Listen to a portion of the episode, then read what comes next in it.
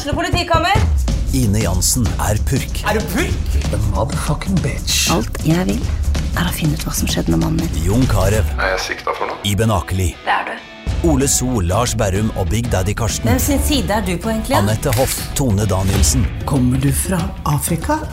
Jørnis Josef, Nesten. Kløfta. Trond Espen Seim, Det er synd å si det, men det var feil mann som døde. Purk. Premiere tirsdag på TV2 Play.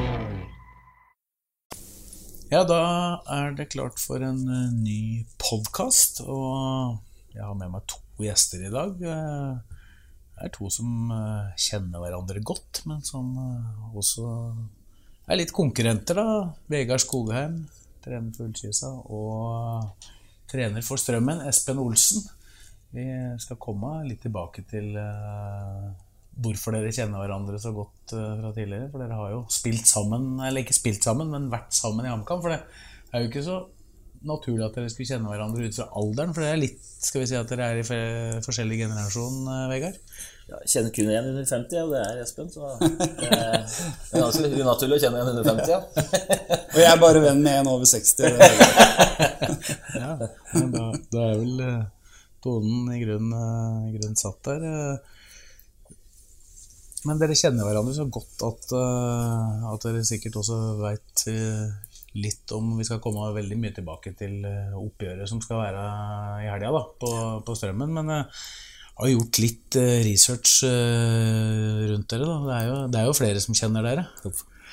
Sånn at eh, vi kan jo starte litt med, litt med Vegard, eh, Espen. Så kan jo du komme med noen innspill underveis her. Men eh, det sies at du er et rotehue, og at du egentlig hadde trengt en låsmed. Hvordan kan du Heia forklaring Solbakken, her ennå. Nei, altså det der med låsmed er helt meningsløst, for det er ikke min feil i det hele tatt. Det var jo min eh, eks-samboer som eh, hadde låst døra når vi skulle inn, og det, men da satte jo Ståle Solbakken i gang eh, en låsmed for at han var redd han ikke skulle komme inn hos meg. Så da sto det en låsmed der, da. Men da var det jo folk inni allerede i huset, sant? så det er ikke meg. Nei. Eh, Og rotehue er jeg. det, det, den, den tar du. Ja, det, var jo litt, det var jo litt mer før i tida. Jeg har blitt litt bedre i forhold til det. Eh, Jeg vet ikke helt hva jeg mener med rotue, om det er at jeg roter klær, eller om jeg glemmer ting, for det gjør jeg ikke. Jeg kom hit i dag klokka ti. Eh, Kan være at du, ikke, at du ikke har så mye voks i håret og sånn. da. Altså, ja, er det At det står til alle kanter. Ja, det er- det det er rotete, det er rotete på hodet, i hvert fall. Rothode? Ja. Sånn, ja. Så det er mulig, men uh... Men du har mer, mer hår på huet enn Ståle Solbakken, og det har du. Ja, så han kan ikke være rotue? For, det, for du, gikk vel, du gikk vel under kallenavnet Villminken i gamle dager på, på Hamar, så vidt jeg forstår. Det hadde både med håret og med frekvensen å gjøre, hvis jeg har blitt fortalt riktig. Det kom vel etter en eh, U-landskamp mot, eh, mot Danmark i Danmark. eh, hvor jeg egentlig løp overalt og hele tida og sånne ting. Og hadde vel tjukt, langt, svart hår. Sant? Så jeg så en, en vill mink utpå der. Så det var Mattis Røne som i, i Hamar Arbeiderblad som, som kalte meg det. Men jeg har liksom ikke blitt kalt noe mer villmink etter det, egentlig. Det var jo på en måte engangstilfelle der og da, men han har vel kalt meg litt villmink etter, etterpå. Det er ikke bra, det der. Villmink og roter. Det var en bra start på, på podkasten.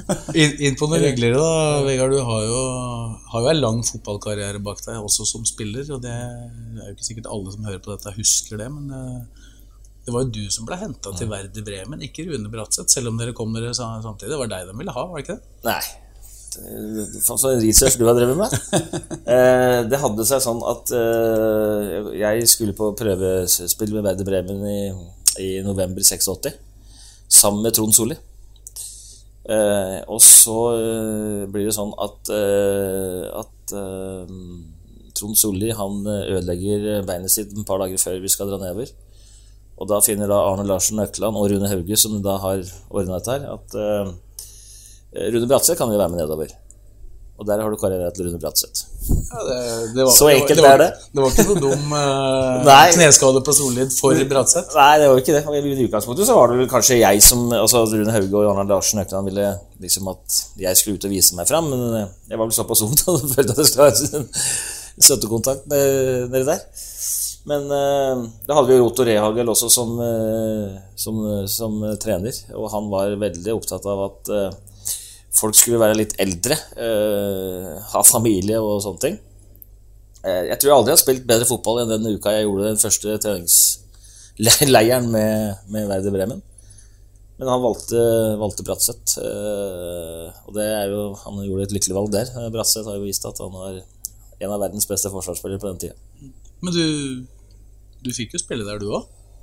Jeg kom jo da eh, ett og et halvt år etter. Eh, Jeg var på et nytt prøve, prøveprosjekt i mars 88 mens jeg var i militæret. Så jeg kom rett fra militæret til, eh, til Werder Bremen, fra dagpenger til Jeg kaller meg verdens best betalt au pair, da, for jeg passa jo mest unga til Bratseth, og så dro han rundt og spilte. så Ja, for det kom jo en skade som på en måte skulle prege karriera di, kanskje, selv om du blei du erklært fotballinvalid på et tidspunkt? Ja, de ville, jo, de ville jo ha meg fotballinvalid Werder Bremen, for da fikk de masse penger eh, for meg eh, fra et forsikringsselskap. Men det, det skulle jo ikke jeg ha, da, så jeg dro jo tilbake til Norge og, og trente meg opp igjen. da. For korsbåndskade på den tida var vel ensbetydende at det tok lang tid, og det, de fikk ikke bruk for deg. Det var jo en helt ordinær korsbåndskade. altså. Ja, ja. Ja. Ja. Som det i dag tar et halvt år, liksom. Men da sa de at da skulle Da var du ferdig. Mm. Eh, Så det er en forklaring på igjen, hvorfor du kom tilbake igjen. Ja, og da det- var det jo sånn at uh, på den tida så var det, var det, var det ikke lov å ha mer enn to spillere utafor EU. Og Norge har jo aldri somla seg inn i EU, så uh, da måtte jeg hjem og så hente han en som heter Vinton Roofer fra New Zealand. Og som alle vet, så eh, New Zealand er ikke i Europa. Så da var det sånn at eh, jeg dro jo ned igjen i august eh, det året, i 89, og skulle trene meg opp igjen og sånne ting. Og satt der og ble kalt inn på kontoret og sa 'du kan ikke være her', sa han. Nei, sa jeg. Det hørtes så rart ut. Jeg har kontrakt. Nei, det, nå jeg hente deg en fra New Zealand, så du må vekk. Så fikk jeg tilbud om å dra til Kickers Offenbach og Eintracht Braunschweig og sånne ting, men å dra til en ny klubb og trene seg opp i en ny klubb, det fant jeg som nesten håpløst. Da var det bedre trygge Hamar å komme tilbake til Ja, sånn sett så var jo ikke aldersmessig, så hadde du jo muligheten eventuelt til å Ja, jeg var bare 23 år. Ja. Så jeg havna jo i Bremen da jeg var 22, så det Det hadde jeg mulighet til. Og jeg trente meg opp igjen i Norge. Jeg jo, var jo med i landslagstroppen igjen i 92, 91 mot Italia borte, 92-93. Og uh, ja, var jo med på den Polen-kampen hjemme.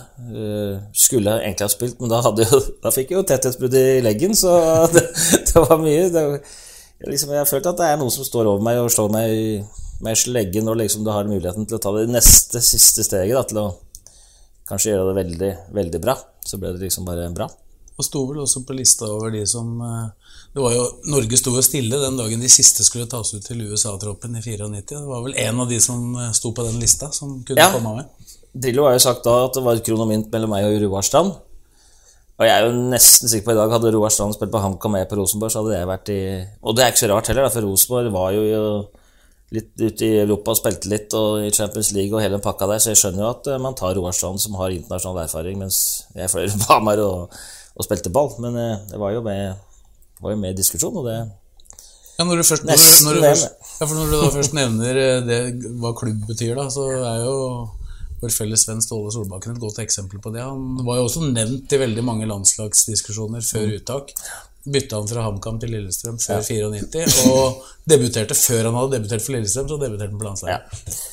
Så, men eh, Man skal ikke spekulere mer enn det, men jeg tror jo litt på det greiene der at det er litt i forhold til eh, hvilken klubb du spilte på akkurat der og da. Og det, det Jeg, jeg syns ikke egentlig det er rart, altså. Eh, Iallfall når du sammenligner deg med Rosenborg eh, sånn sett på den tida, så er det klart at uh, Roar Strand, som eh, spilte en del internasjonale kamper for Rosenborg, kan du si, og, og vant serien år etter år, så, så ser jeg at det er lettere å ta ut en som man kanskje er mer trygg og sikker på. Da. Men så traff jo dere hverandre etter hvert. da. Det er mulig at dere kjente hverandre før Espen kom til HamKam, og du hadde vel da i hvert fall etter hvert et visst ansvar for han, i hvert fall i annetlagskamper. Ansvar for at du skulle ta. Ja. så jeg ga meg ikke på det. Det, det, det, det, er mareritt Marit mene. Hvordan, husker, du, husker du Espen? Som, som Nei, som en, eh, sånn som det er nå. En gladgutt som uh, eh, På en måte gladgutt-gutten er eh, veldig seriøs og kan mye fotball. Uh, var en veldig god uh, spiss, skåra mye mål. Uh, i Lørenskog og HamKam, og spesielt kanskje litt, litt i Sogndal. Jeg husker ikke helt statsen din, selvfølgelig, men uh, Og har, har masse å gi til fotballen og til Passer godt kanskje akkurat nå i en sånn klubb som Strømmen, som skal som trener litt unge spillere, og som kan lære bort eh, Jeg håper lære bort noen triks. Eh, men igjen, han er også en gladgutt som eh, kanskje blir tatt litt useriøst på, fra andre, liksom, for at han bare er Folk tror bare at det er glad og humør og sånne ting, men eh, under det skallet der så ligger det masse hardt, arbeid som, og fotballfaglig dyktighet. Da. Du starta jo i Strømmen som ung, men det var jo først etter at du kom til Lørenskog at på en måte folk på resten av Romerike, kanskje bortsett fra de som var like gamle som deg, la merke til deg, Espen. Og skjøt jo Lørenskog opp i det som nå da heter Obos-ligaen, eh, var vel da i 2001. Ja. Men du var aldri med dem opp, for da gikk du til HamKam. Ja, jeg, det var en eh, spesiell sesong, for jeg, var jo, jeg ble jo solgt til HamKam året før, egentlig. Jeg var eh, to år i Lørenskog etter at eh, em, jeg fikk beskjed her i Strømmen om at jeg ikke var god nok. Så, så endte jeg med å skåre 25 mål det første året i 2. divisjon, og da ble jeg solgt til HamKam. Men eh, en del av den avtalen var at eh, jeg skulle spille ett år til i, eh, ett år til i Lørenskog. Og da ja, skårte jeg vel 27, og så rykka vi opp. Men da, da dro jeg til HamKam. Og møtte Lørenskog da i Obos-ligaen, eller hva heter det, Adecco-ligaen. Førstedivisjon. Antakeligvis heter det førstedivisjon, ikke. Så lenge siden er det det. er ikke så lenge siden. Men du, kom, men du kom jo dit med ambisjoner, for det Han som nevnte noen historier om, eh, om eh, Vegard her, han, han sa at eh, det var et veddemål som ble inngått før eh, 2002-sesongen i HamKam. Om antall mål. Ja, da må du hjelpe meg litt. Ståle Solbakken sier at dere inngikk et veddemål. Du sa at du skulle skåre minst 18. Han sa Ja. maks 10. Ja, det stemmer nok. Stemmer. Var, Og han vant. Ja, han vant. Eh, ja. Ja, for du var vant på å skåre mye mål, da. Ja, jeg gjorde det, men jeg trøbla litt eh, i starten når jeg kom til HamKam, spesielt første året. Når jeg trøbla litt, så, så skåra jeg vel syv mål eller noe sånt det første året. Og det var, eh, det var langt under pari av hva jeg, hva jeg forventa av meg sjøl, i hvert fall. Men så, så begynte det å løsne litt eh, etter at, eh, etter at Ståle kom. Men uh, HamKam-karrieren gikk, gikk litt opp og ned, sånn skåringsmessig. Jeg tror nok eh, det beste året jeg hadde, var eh, eh, i 2005, vel. Vi, da lå vi langt, langt ned på tabellen. Lurer på om vi lå sist etter sommeren. Og så, så henta de Markus Ringberg, som, som begynte å stusse baller i bakrommet. Da, da løsna det. Så jeg skåra vel eh, 9-10-11 mål på, på høsten der. Så det var vel Ja, det var vel det. Så ga, ga Ståle seg, så, og da kom jo Vegard inn. Eh, og han, Det var jo Vegard som knakk sjøltilliten min fullstendig foran mål.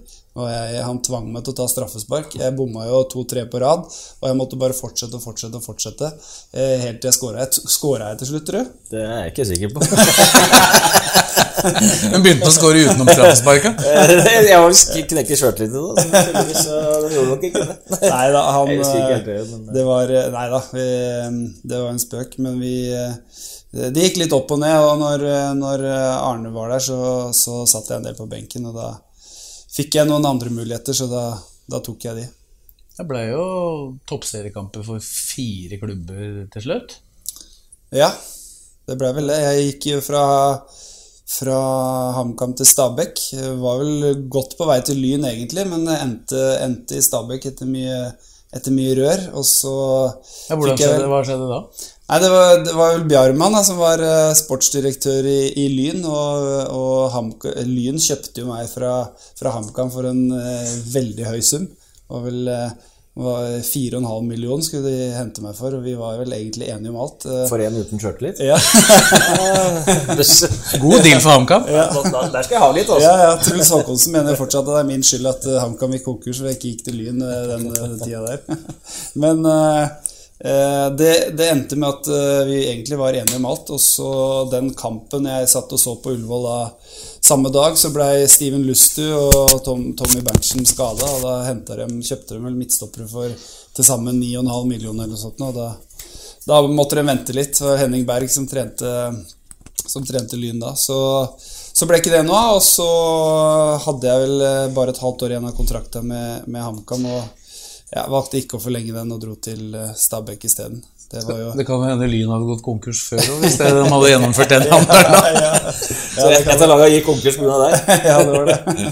Så nei, men eh, i Stabæk eh, Det var jo litt Nesten litt karrieresjølmål, det, når Namskog og Pål Gunnarsson herja som verst. Så jeg fikk vel seks korte innhopp og skåra ikke mål på, på de, og da, da gikk turen videre til start. Jeg var jo litt sånn som spiller at jeg, Det var derfor jeg forlot eh, HamKam, og at eh, jeg satt på benken i fem-seks kamper på rad. Det, det hadde jeg ikke tid til, eh, så da dro jeg videre. Så da var jeg i start et halvt år på lån, og så eh, henta Sogndal meg fra, fra Stabæk, da. Så ja, var jeg i Sogndal i fire år, og så kom jeg hjem. Men det blei jo, det ble jo landskamp eh, på da. Ja, det, det- var jo da i HamKam-tida. USA, USA borte 0-5. Ja, du, du, måtte, du måtte nevne det, ja. Det. Og det ble to landskamper. Jeg fikk eh, Mexico eh, på samme turné. Det, det var etter den 2005-sesongen som, som, som var bra. Da, da var jeg bra en periode, og så Ja. Det var, men det var en morsom opplevelse. Og jeg har landskamper på CV-en. Det står overalt. Ja, Det er ingen som har tatt fra. Du har jo det, vi nevnte jo ikke. vi, Du har, bør, er, det, er 13, vi bør ta fram, men det er 13 du har, er det ikke det? Ja, 13. Ja. Ja. Ja. Det er ingen som tar frem det. Det er mot Grenada og sånne ting. Da, så det, er, det er alltid den vinterturneringa. Sånn jan- januar- ja, Karibia og sånn. Ja. Kamp, kamper er kamper. Ja, Ja, da. Jeg er jeg er jo faktisk uh, matchleader mot Grenada borte. I, på cricketbane i Grenada i 86. I den eh, 26. februar eller sånt. nå. Da spilte vi på cricketbane på, på Grenada stadium. Ja. Og der var det sånn der eh, det var sånn der eh, En haug på, på midten der. Som du, jeg, Bratseth debuterte faktisk i den, eh, på den, den turen der. Ja. Jeg, jeg spilte venstreback. Du har mye ære, du, for Bratseth. ja, ja, ja, så jeg måtte rydde opp voldsomt der, for han så jo meg ikke på andre sida av den haugen. Jeg var så liten, så den haugen var svær, altså. Ja. Det er helt sant. Og, der, og det var 120 ganger 90 meter, den banen. Du løp, og det, og det, det var jo noe der jeg kunne, på en måte, da, på en fotballbane. Det var jo løpe. Så venstreback passa meg veldig bra, og var oppe og lagde seiersmålet. Og det var Så jeg, jeg skåra i dette landskamp. ja, det er bra. Det gjorde ikke jeg. Jeg hadde sjanser. Du var spiss. Det var, ja, jeg, jeg fikk 45 minutter den ene kampen og 25 den andre. Men han, det, det var sånn litt i, akkurat i den tida der i karrieren at jeg måtte Når jeg gikk til Stabæk, da, og, og det, de lå på annenplass i Tippeligaen og, og kjempa om gullet og jeg, husker spesielt mot Lyn borte, så kom jeg aleine mot Eddie Gustafsson. Så gjør han en kanonredning, og så fikk jeg ikke den skåringa. Så hadde jeg en ny stor sjanse etterpå. Da, da får du ikke flere sjanser på, på det nivået, sånn som, sånn som fotballen var da. Og samme var den første landskampen. Det var 1-1 i 80. minutt, eller noe sånt, og så ble jeg spilt igjennom litt skrått hold, men en posisjon som jeg normalt var ganske god i, men da stivna jeg fullstendig og gikk eh, åtte meter utafor. så det var, det var liksom Jeg greip, klarte ikke å gripe sjansen eh, når, når han var som størst. Jeg har hørt at skøyteløpere som stivner, men at en fotballspiller stivner på oppløpet det, Jeg fikk panikk.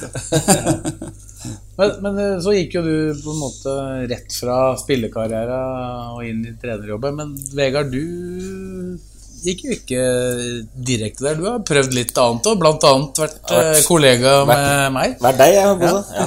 Jeg var eh, Når jeg ga meg i Viking, så hadde jeg søkt på en, eh, en journalistjobb i Hamar Dagblad, Østlendingen. Så fikk jeg den. Da var jeg Hva jeg meg om? 99, da var jeg 32 år, ja. Og litt sånn skadeutsatt, så tenkte jeg at ok, jeg tar den. Så da flytta vi hjem fra, fra Stavanger. Eh, men så ble jeg med i HamKam i 99 igjen. Eh, når vi hadde gått litt dårlig, dårlig med det, så kom formannen på trappa ut i juni og spurte om jeg kunne være med igjen. Ja, For da var de på samme nivå som de har rykka opp fra nå. Ja. Ja. Eh, nivå tre, kan du si. da Eller det var jo egentlig ni... Ja, nivå tre. Eh, selvfølgelig. Eh, og da var, så da var jeg med halve sesongen 99 og 2000, og så ga jeg meg. Uh, Jobba fortsatt som journalist i Hamar Dagblad. Og så ble det uh, Tjente Brumunddal og Lillehammer, og så ble det Kongsvinger, og så ble det HamKam, og så er det nå Ullkisa. Mm. Altså, men prøvde du noen andre småyrker òg? Jeg har hørt noe om at du både har vært kokk, vekter og persienneselger. Er det riktig? Ja, El Markise heter det på det fagspråket. Ja. Persienne, har du hørt. Ja, det høres ut som eh, Ja, nei, jeg, det var jo sånn i HamKam på den tida at det var ikke akkurat eh, profesjonell eh, jobb, da. Så du måtte spe på litt uten, utenfra. Så da jeg var yngre, så ville jeg jo bli kokk. Altså Da gikk jeg kokkelæra i to år, men det lot seg ikke gjøre i forhold til fotball og sånne ting. Tidspunkter og helger og hele pakka. Så ga jeg meg med det, og så ble jeg jo proff, og sånne ting, og så kom jeg tilbake, og så var det jo ikke, fortsatt ikke noe profesjonelt i HamKam. Det var det beste vi hadde på den tida, jeg var 10 000-12 000 kroner i måneden. Sånt, som jeg skulle på en måte leve på, på Selv på den tida var det litt lite. på 90-tallet, ja, så var ikke helt, eh, helt der. Så vi måtte jo spe på litt i forhold til det, og da, da gjorde jeg litt sånne forskjellige ting. Men så var det jo, ble jeg jo frilansjournalist. Altså jeg jobba jo mye etter hvert som, som journalist i tillegg til fotballen. Ønsker du var det fortsatt? Du kunne skrive om kampa som du leder òg, kanskje? Eh, I perioder så kunne jeg ønske at du gjorde, gjorde noe annet, men jeg tipper at i perioder som journalist så kunne du tenke at du gjort noe annet. Og sånt, så man har valgt den, veien her. Eh, Jeg har vel stort sett ikke hatt fast jobb. da eh, opp igjennom, Det er vel kanskje de to-tre åra som journalist så har jeg hatt fast jobb. Ellers har jeg jo gått på kontrakter hele tida. Sånn, jeg har på en måte vært frilans hele tida. Men det er noe jeg trives med, det går, det går fint. det Men for oss som, eh, som er fra Grue, da, som også da står der, så er det jo ett svart høl i trenerkarrieren din. Det er jo Fikil opp. Det, det er jo ikke så lett å tilgi. Nei, det er vel ikke, ikke det for noen på Grue, har jeg hørt. Eh, Men, men eh, det spesielle var at eh, den dag i dag da, så er jo det litt spesielt, for det var jo faktisk Ullkisa dere kjempa med i 2003 Ja. om det opprykket. Og det var vel Ullkisa oppnådde vel den høyeste poengsummen som et lag ikke har rykka opp Ja. og hadde fire, fire uavgjorte, eller fire tap. Ja, vi hadde, ikke, vi hadde bare fire og null tap. Vi hadde jo 22 seier og fire avgjort, så vi fikk 70 poeng, og Ullskisa fikk 66. Mm. Så før den siste kampen så hadde vi 67 poeng, og Ullskisa hadde 66 poeng. Så vi, vi var ikke sikre, vi heller, med 67 poeng før den siste kampen. Eh, og så ligger vi under 2-0 for Lillehammer hjemme, som da må vinne for å ikke rykke ned. Eh, og dem hadde jeg hatt året før òg, så det var liksom masse som skjedde i den kampen der. Og eh, det var ikke så mye sånn Da var det noen som ringte til selvfølgelig til her og hørte åssen det gikk på, på Ullkisa. For Ullkisa spilte hjemme mot uh, Nybergsund. Så fikk jeg høre at Nybergsund leda 2-0 òg, da. Og så fikk jeg høre at Nybergsund leda 3-0, og så er det en spiller som kommer ut til meg og spør hva skal vi gjøre noe. liksom? Nei, slapp av, sa jeg. liksom, for, for, for jeg hadde hørt at de lå 3-0. da. Så fikk jeg kontrabeskjed at det lå under 2-1 isteden. da må vi gjøre noe her. Men vi, vi, fikk, vi, fikk, eh, vi fikk opp til eh, 2-2, og så skårer de 3-2. Og så blir det 3-3, så vi vinner 4-3 til slutt, da. Så eh, vi klarte det sjøl uten å få hjelp av Nybergsund, selv om de hadde hjelp av oss om vi hadde tapt. Men det var tett. Det var jo vel den siste kampen mot Ullkisa hjemme i seks-sju runder før slutt.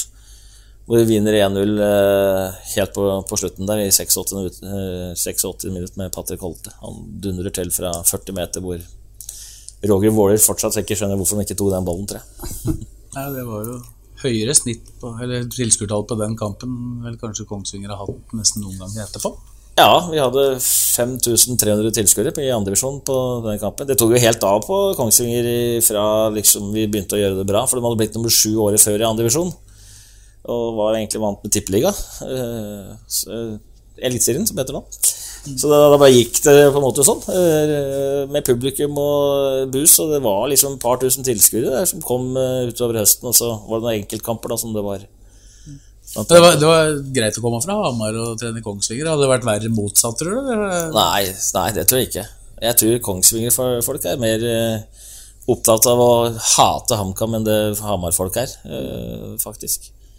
Eh, så jeg tror på faktisk på noen folk der så var det litt sånn eh, at det var en fra Hamar som eh, hadde litt suksess med, med Kongsvinger. Jeg tror, jeg tror den dag i dag at det var noen som ikke likte Ligner litt på Lillestrøm-strømmen, kanskje, Espen? Sånn, Ja, det til eh, At HamKam på en måte er litt storebroren og er, eh, er eh, sånn som LSK er. Og Ja, men jeg, bare, jeg husker jo Ståle trente jo Jeg var jo under Ståle i HamKam i den perioden hvor, eh, hvor Vegard trente Kongsvinger. Jeg husker han kalte den hele tida Nå har Vegard vært ute med tryllestaven igjen, så han, jeg mener at det var påfallende ofte at Kongsvinger lå under eh, ganske mye. Eh, lå under med to til pause, vant 3-2. Lå under eh, et, Mener å huske at det var en kamp i Haugesund eller noe sånt. Er Det, det det, er var, riktig. det, var, nei, det var i året etter da vi rykka opp i første Ja, det var i første divisjon. Ja. Da gikk en he- hele Nei, nå fader Ståle satt og banna foran i bussen. Nå har, nå- nå har Vegard vært ute med tryllestaven igjen. så det husker jeg første jeg husker fra Vegard som trener. At han, eh, Vegard med tryllestaven. Ja, men det, var, det var Han klarte ikke å trylle med, som Brumunddal-trener mot Grue, da. Nei, da tapte vi jo 5-0 eller noe. Ja. Så da, Nittedal klarte kvaliken. Sant? Så Nei, vi gjorde ikke Men det, vi må bare tilbake til det. For at i, i første divisjon da, på den tida, så hadde vi to bortekamper på rad. Vard borte og Raufoss borte. Og da Vi lå under 4-1 for Vard når det var igjen 20 minutter. Og så vant, så vant vi 5-4. Stemmer det? Og så lå vi under 3-0 for Raufoss når det var et kvarter, og så vant vi 4-3. ja, stemmer. Det var to bortekamper på rad. Vi hadde en hjemmekamp mellom, men altså de to bortekampene. Da er det meninga at du skal opp. Nei, vi var ikke Det var jo Vi fikk kvalik, da. I kvalik i første divisjon. For da var det jo bare det laget som ble nummer tre, som fikk kvalik. Så vi var jo nyopprykka og fikk tredjeplass. Så det var jo en, to fine år sånn sett, da. Men eh, det er jo ganske utrolig at du klarer å snu to sånne kamper til seier på bortebane. Når vi først prater om kvalik, da. Mm. Strømmen stadion 1992, HamKam. Da var det en spennende kvalik på Strømmen. 4-4. 4-4. Rune Pedersen dømte straffe mot meg. Helt feilaktig straffe utpå her. Jeg var så irritert på ham, så det, jeg har aldri takla. Noen gang, og så tror han at jeg takler. Det var håpløst. Men Jeg også husker 4-4. den kampen godt. Jeg var, jeg var jo her som tilskuer. Mm. Etter min mening var det en klar straffe. Ja. Leda Strømmen 4-2, 4-4 han da? Ja, det var noe sånt. Så fikk vi jo Drøbak Frogn hjemme, sant? og så vant vi 2-1 der, da. Ståle og Marvin Arnsen skåra. Ja, Strømmen tapte vel på Drøbak. Eller uavgjort, eller noe? Ja, Nei. 2-2, kanskje? Ja. Men den var spilt allerede, tror jeg. Så det var, det var bare Drøbak-kampen. eh, ja, vi måtte vinne mot Drøbak, så Drøbak hadde sikkert vunnet. Ja. Mm. Ja. 4-4, 5-5 spilte Norge ikke. ja. Som kunne ikke ha mer mål enn oss. Så, ja, altså, det er jo én kamp eh, jeg husker på Romerike som du har spilt. Og da hadde du på deg blå, blå drakt. Et lag som sliter litt mer nå, Viking. Eh, Alle lag som jeg har vært i, sliter etter at det har gått. Så Werder Bremen sliter, Viking sliter. Nei, det er noen år etterpå, da, men hele tiden. da var det, fi, det 4-0 etter en halvtime på Åråsen. Og Østenstad fikk jo mye æren, men eh, det var jo du som var arkitekten der. Ja, jeg tror ikke Jeg tror det er en av de bedre kamper i, i Tippeligaen på den tida. Og det hører jo med til at Lillestrøm var ubeseira da dere kom til Åråsen nå, i 96, og med Per Brugland som, eh, som trener. Og lå jo helt i toppen. Mm. Nei, det var en det, det, det er noen kamper hvor alt flyter, og du kan eh, løpe til i morgen tidlig, og alt sitter med tekniske og pasninger og hele pakka, så det var vel en sånn kamp som bare kom til meg. Men til helga, da er det slag om Romerike i Obos-ligaen, Espen. Ja, Jeg, jeg, har spurt Vegard om vi, om vi bare skal ta 0-3 og, og la, la han uh, vise litt medlidenhet med oss uh, i helga, men uh, jeg vet ikke om vi får lov. Det er bare ikke møte opp, er ikke det? ja, det er bare ikke møte opp. Kan dere ta ei frihelg? Ja. Så det får du lov av meg. Ja. Nei, øh, det er øh, litt sånn spesielt og litt øh, så, nesten litt sånn sår situasjon. Selvfølgelig ekstremt imponert over hva, hva Ullkisa har fått til den, den siste tida. Det, det, det gikk fort at den plutselig var, var godt forbi oss, men det, jeg var og så Fredrikstad Ullkisa forrige, var det forrige runde? Nei, da hadde vi her, men forrige der, ja. Ja, forrige der igjen, ja. ja eh, det, da var jeg veldig imponert. Eh, Da spilte Ullkisa en fantastisk god bortekamp. Eh, Det er sjelden jeg ser et bortelag har seks-sju store målsjanser i, å vinne veldig fortjent eh, 2-0, 3-0. Det, det burde vært mer. Var du der, eller? Det ble 2-1, 2-1 ble det, men, men, eh, men Ullkisa var i hvert fall veldig mye bedre enn en Fredrikstad i den kampen. Det skapte så mye i den kampen Vegard, uten å score på stillingen 1-0 at det var nesten så du begynte å lure på om det snart skulle bli 1-1. Ja, det er alltid sånn når det kanskje ligger over, men samtidig skal vi være klar over at Fredrikstad hadde en par store målsjanser helt på i starten der, dem også. Det er alltid sånn man sier når man har tapt, at det kunne vært annerledes hvis du hadde skåret på den. Og det, sånn. den, Ja, jeg skjønner det, det var var rimelig fortjent. Ja, det var fortjent, Ja. men samtidig, hvis de hadde skåra på en av de to Ja. første på, før det hadde gått seks minutter, så kunne det vært Men eh, vi spilte en bra bortekamp. Ja, den, Det- eh, de har vært uh, veldig, veldig gode i, i, uh, i uh, høst nå. Det, så det blir en, en veldig tøff utfordring for oss. Vi, vi var jo to poeng foran Ullkisa til, til sommeren der. og jeg, jeg er imponert over hvordan hele klubben egentlig har, eh, har gjort det nå i, i det siste. Så de, de har eh, klart å øke ressurser. De har eh, de står på ambisjonene sine, har beholdt de beste spillerne i sommer. Henta, forsterka seg og, og, gjort det bra der. Mens vi dessverre har gått litt, gått litt andre veien. Så, Men det har dere vært nødt til? Dere har mista både Brensrud og Øby da, i løpet av Ja, vi mista de to, to, beste spillerne våre, og det, sånn er det innimellom. Vi, vi hang litt etter økonomisk andre steder, som gjorde at vi at vi måtte spare penga istedenfor å, for å bruke dem. Og da, da er jo forskjellen på, på, um, på stallen sånn som han er. Vi er jo svekka i forhold til vårsesongen, men, uh, men om vi hadde vært like gode som Ullkisa, det er jeg fortsatt litt usikker på. For jeg er, uh, jeg er veldig imponert over åssen uh, det laget ser ut da. Dere solgte jo, valgte jo å selge Dragsnes, men holdt igjen Sandberg. Det mm kunne jo se ut som det var en lur eh, strategi. Nå forrige helg med fire skåringer og blant ja, annet et hat trick på fire ja, minutter. Vært, eh, han har jo vært uh, egentlig god i hele år. Uh, hatt noen dom, selvfølgelig, men uh, det handler om å gjøre det for rett tid for klubben nå, ikke bare for, for spilleren. Og jeg tror at det er lurt av Sandberg å ha vært her og få spille ut sesongen i, i Obos. Nå kommer han fra Nest Sotra på utlån i fjor, har spilt i Sola mest og i, lite Obos-spill. Og da få lov til å gjøre det gjennom et helt år og vise at eh, det er en det er, det er den forrige kampen, eller eh, den neste kampen du viser hvor god du var i den forrige kampen. Så pleier å si da, Hvis du klarer å holde det stabilt utover. Sant? Og Det er jo det han må, må, gjøre. Og det er jo det flere av spillerne mine må gjøre òg. Vise i neste kamp at den forrige kampen ikke var noe blaff. Det er eh, første gangen på en stund at Ullkisa kanskje stiller som relativt store favoritter mot uh, Strømmen. I hvert fall eh, hvis du ser på det sånn nøytralt. Rett før du kom, så prata jeg med Espen og sa at du skulle forberede trening i dag. Han sa det ikke var noe vits, for det var bare å sette av skoa. Sånn. ja, men det er det, det, det forbereder så mye sko. Så det er mye å gjøre i garderoben. sant? Ja, jeg vet jo. Dette er igjen, altså kan du si at dette er liksom da Glagutten som prøver liksom liksom å putte alt over på, på oss i denne fotballkampen der, og så sitter han på kontoret og lurer sånn voldsomt åssen han skal spille, og så sitter han med 3-4-3, og så sitter han med 4-4-2 og diamanter og masse og hvem som skal spille. Så, det kommer antagelig noe helt nytt. Ja, ja, eh, helt, sånn, Nei, jeg driver mest med Florø neste helg. Der, der ser jeg at vi har en poengmulighet.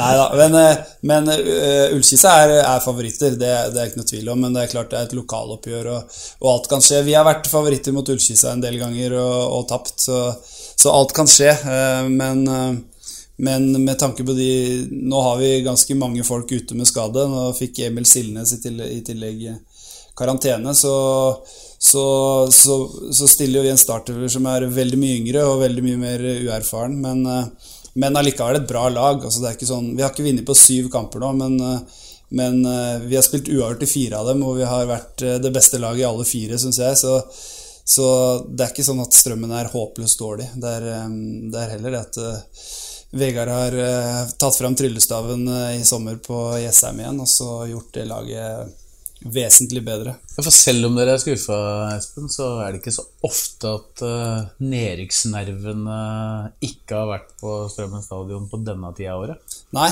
vi, nå, det, nå, har vi allerede redda plassen. Ti, tre serierunder før slutt, så er vi vel ti poeng foran eh, Fredrikstad. Selv med fire lag ned, så hadde vi egentlig ligget i en ganske ok posisjon. og vi vi, eh, det er tre kamper igjen, og vi har alle muligheter til å, å bli eh, på øvre halvdel, topp åtte. Og hvis vi, hvis vi klarer det med, med, de problemene vi har hatt, så er det en sterk prestasjon. Det er en sterk prestasjon for Strømmen uansett. Vi, um, som sagt, med ressurser og alt mulig. Ikke at de er millionærer på Jessheim, men det er, det, er litt, det er, litt, forskjell. De har, um, de har et større apparat rundt laget, og de har en, nå en bedre, en bedre spillerstall. og, og um, ja det er litt forskjell. Så har jo vi en, en større fordel enn Ullkisa i forhold til eh, hvor vi ligger geografisk osv. Og, så og, og har ja, litt lengre fartstid enn en Ullkisa i Obos-ligaen. Men, eh, men Ullkisa har tatt et, et, steg forbi oss, det, det, har de gjort. og det må vi, Så vi må jobbe hardt gjennom vinteren for å, for å nærme oss. Og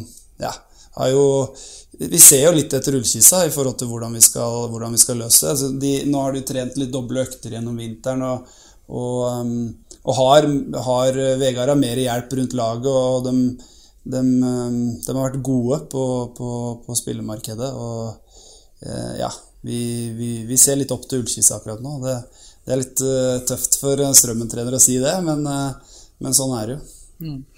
Dere var jo ikke gitt at den sesongen her skulle bli sånn. Hvis vi liksom trekker vår går tida ca. et år tilbake, så var det jo bare så vidt at dere blei i denne divisjonen. Hva er det som har skjedd sånn du har opplevd det med dere siste året? Hva har skjedd? I fjor så vil jeg jo si også at vi hadde utrolig mye skader. Sånt det. Eh, Jeg husker jo i hjemmekampen mot Strømmen så hadde vi jo ikke spisser. eh, Blant annet. Alle var, alle var skada. Så vi hadde jo en sju-åtte som potensielt kunne ha spilt i elveren. eh, Var jo ute på, på samme tid en, eh, en periode. Og da er det klart det er vanskelig å lage et, eh, et fotballag. Eh, og så har vi den Kongsvinger-kampen, som vi også er litt heldige med at Kongsvinger eh, fløy med hendene over huet etter at de hadde slått Strøm, Strømsgodset eh, tre dager før. Første borteseieren kom der, da. Ja, så kom den første borteseieren da for oss eh, mot, eh, mot dem. For de hadde på en måte en, en omgang å gi i energi, eh, Kongsvinger, i den kampen. Og det var første omgangen. Så flata de ut. eh, mens, vi, eh, mens vi hadde holdt på den samme energien. Eh, Så litt eh, tilfeldigheter der, eh, selvfølgelig. Selv om vi vant den kampen fortjent, sånn sett. Så har vi jo jobba knallhardt, og så har du da hatt sånn, den samme treneren i et år til gjennom en vinter, hvor man kan sette litt mer preg på både spillestil og hvilke spillere du vil ha inn, og, og sånne ting. Det hjelper. Og så har du som Espen sa, godt apparat rundt, rundt laget. Dette er jo ikke en nedmannsshow, verken fra spiller eller trener. Dette er jo et, et team fra Cato Strømberg på, på kontoret til Når jeg sier ned til materialforvalter, høres det ut som hun er nederst, på en måte, men det er ikke det. Altså, det- men det er liksom den, det hierarkiet der, da, at alle drar i samme ende av tauet. Du har, har hatt en ny assistent i år, da. Eh, Ja. Halvorsen. Skulle hente en som skulle ha forsvarsarbeid da, og det detter jo inn mål så det dundrer. Så. Nei, Thomas er fantastisk flink. Eh, Det, og Fredrik Westgård, som, er- som er liksom et eh, team oppe her, som går godt sammen. eh, Fin kjemi. Jobber med de tinga vi kan, på en måte. Slik at jeg slipper å blande meg inn i ting jeg ikke kan, og han blander seg ikke i ting han ikke kan, sånn sett, men kommer med konstruktiv kritikk og hele den pakka. Og det hjelper å sitte på et kontor og se på video og diskutere og komme med løsninger eh, til eh, spillere ute på, ut på banen. Så det er mye mer profesjonelt rundt, eh, rundt spillere. Men er det, er det litt Biffen også sånn er vel, Biffen også er vel med på fulltid? Ja, jeg, jeg, jeg kalte den Fredrik, ja, men er Biffen Oh, ja, er det Fredrik han heter? Ja, ja, Fredrik han heter Fredrik. Ja, ja, ja. så det, det han er det- ja, han har- ansvar for keepere, dødballer øh, og sånne ting. Og jeg får konsentrert meg mye mer om kan du si, helheten og snakke litt mer med spillere og hele den pakka der. Men er det, det er litt sånn der, eh, altså, At trenere blir sett på som liksom sånne, litt sånn overmennesker som kan alt. At det egentlig er feil. At det er viktig å ha folk som utfyller, Ja. utfyller deg Ja, helt, helt, helt klart. Eh, Det blir som en, eh, en fotballspiller ute på banen. En fotballspiller ute på en spiss kan jo ikke spille høyreback, for å si det sånn. da Eller Kan kanskje, men det blir ikke så bra. Eh, og det blir litt sånn med trenerapparat. Og du må finne de, finne de, de høla du mangler sjøl, og så fylle igjen dem med god kunnskap av, av andre. Og det gjør, meg, det gjør jo meg bedre, rett og slett. Jeg skal ikke si at jeg er en veldig god fotballtrener, men det gjør meg i hvert fall bedre til å utføre den jobben jeg mener jeg kan. da. Og det er, eh, det er viktig. Det er der jeg også mener at eh, er et forbilde. Med Vegard, med all den kompetansen og erfaringa han har på, på toppen, så har, han, så har han jo folk rundt seg. Mens eh, jeg er jo ikke i nærheten av å ha den erfaringa og, og kompetansen som, som Vegard er. Og i tillegg så, så, har jeg jo, så er det jo ingen her på dagtid. Eh, Espen her i Haug, som er assistent, er jo innom innimellom. Han tipper tra, da. Eh, ja.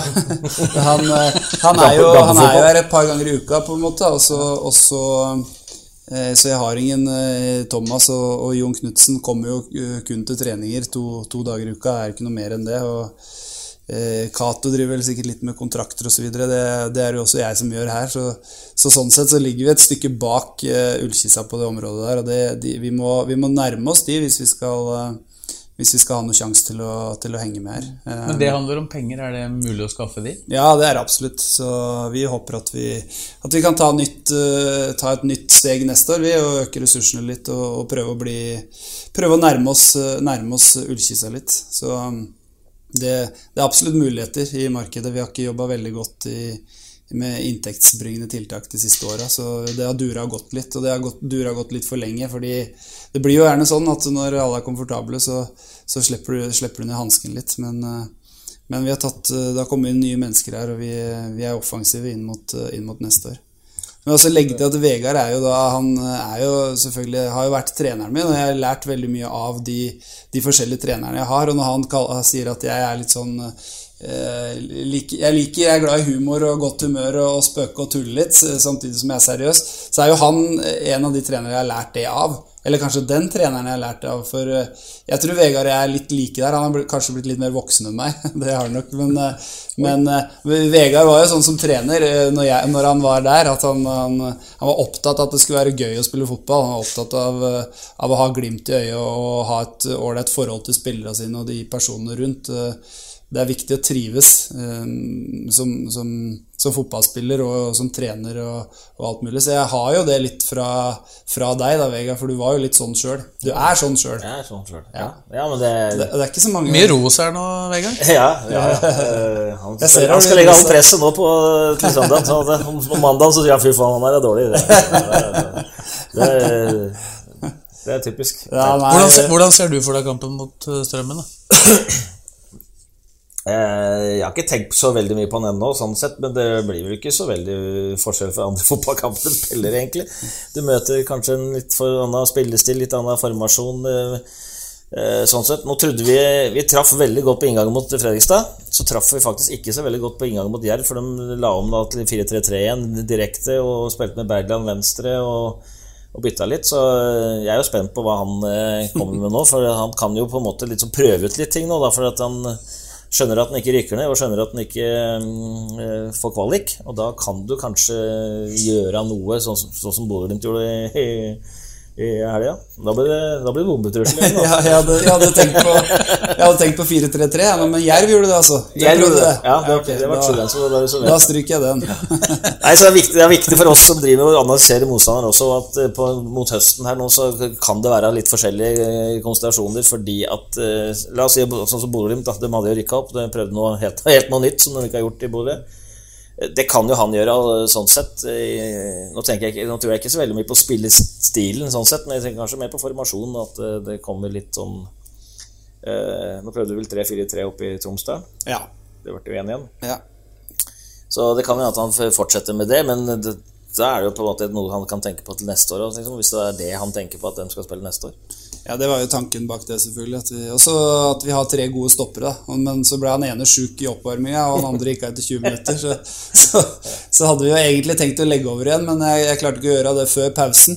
Og så leda vi 1-0 til pause og var ganske gode, da, så da, da fortsatte vi. Så hadde jo Akrifi som midts, den ene midtstopperen og, og Sandra Kumar som venstre midtstopper. Det, ja, vi, men det er jo riktig som han sier. Det, det, gir oss jo en mulighet til å tenke neste år allerede nå. Vi selv om vi absolutt har ambisjoner om å, å havne på øvre halvdel, som sagt. Det, vi ligger vel likt med åttendeplassen, tror jeg. Eller om det er to-tre poeng opp. Eh, Levanger på sjuende er, er, vel fire poeng, tror jeg.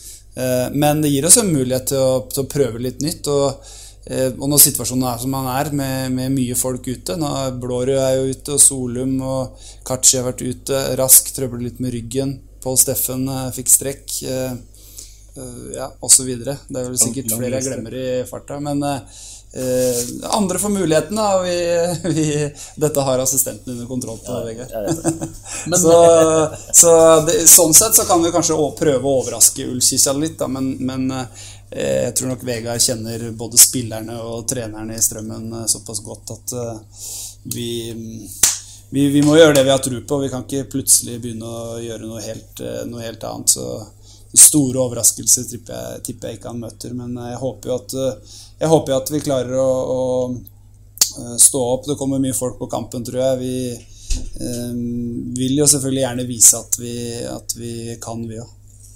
Så sies det at uh, fra Ståle Solbakken at uh, uansett hvis dere to kommer tilbake til Briskeby, så kommer det til å bli bortetrener som kommer til å bli applaudert. Det, det er jo hyggelig å ta med seg. men Tror du at du er den eneste som skal til Briskeby neste år, eller kommer Ullskisa og Vegard også til å bli der, eller blir det opprykk? Hadde du spurt meg for to uker siden, så hadde jeg svart at begge spiller i Obos-ligaen, men eh, etter å ha sett Ullkisa på, på Fredrikstad stadion og, og, og ikke sett kampen mot Jerv, men sett høydepunktene, så, så altså hvis de holder den flyten, og nå er det bare tre kamper igjen av sesongen, så, så blir Ullkisa ekstremt vanskelig å slå. Det, de ryker nok på strømmen på søndag, og så vinner de de neste fem-seks. eh, Men nei, det, det, fra spøk til alvor, det kan skje. De er, alt kan skje i de kampene, men det er en lang vei. da. Du skal slå ut to gode Obos-ligalag på veien. Og så, og så får du vel eh, Ålesund eller noe sånt i, i kvaliken, som, som, jo holder Før helga så tenkte vi kanskje i Romerikes at det kunne bli LSK Ullkisa i kvalik etter cupfinalen. Jeg vet ikke hvordan det hadde vært, eh, Vegard? ja, straffespark i det 90. når Ødemarksbakken skal ta straffa. Den 13. desember. Ja. Ullkisa er i hvert fall det beste. Ullkisa er i hvert fall eh, kanskje det klart beste av de, de fire lagene på kvalik nå. Uh, jeg konsentrerer meg om å få, få den kvaliken jeg først, så får vi se hva som skjer etterpå.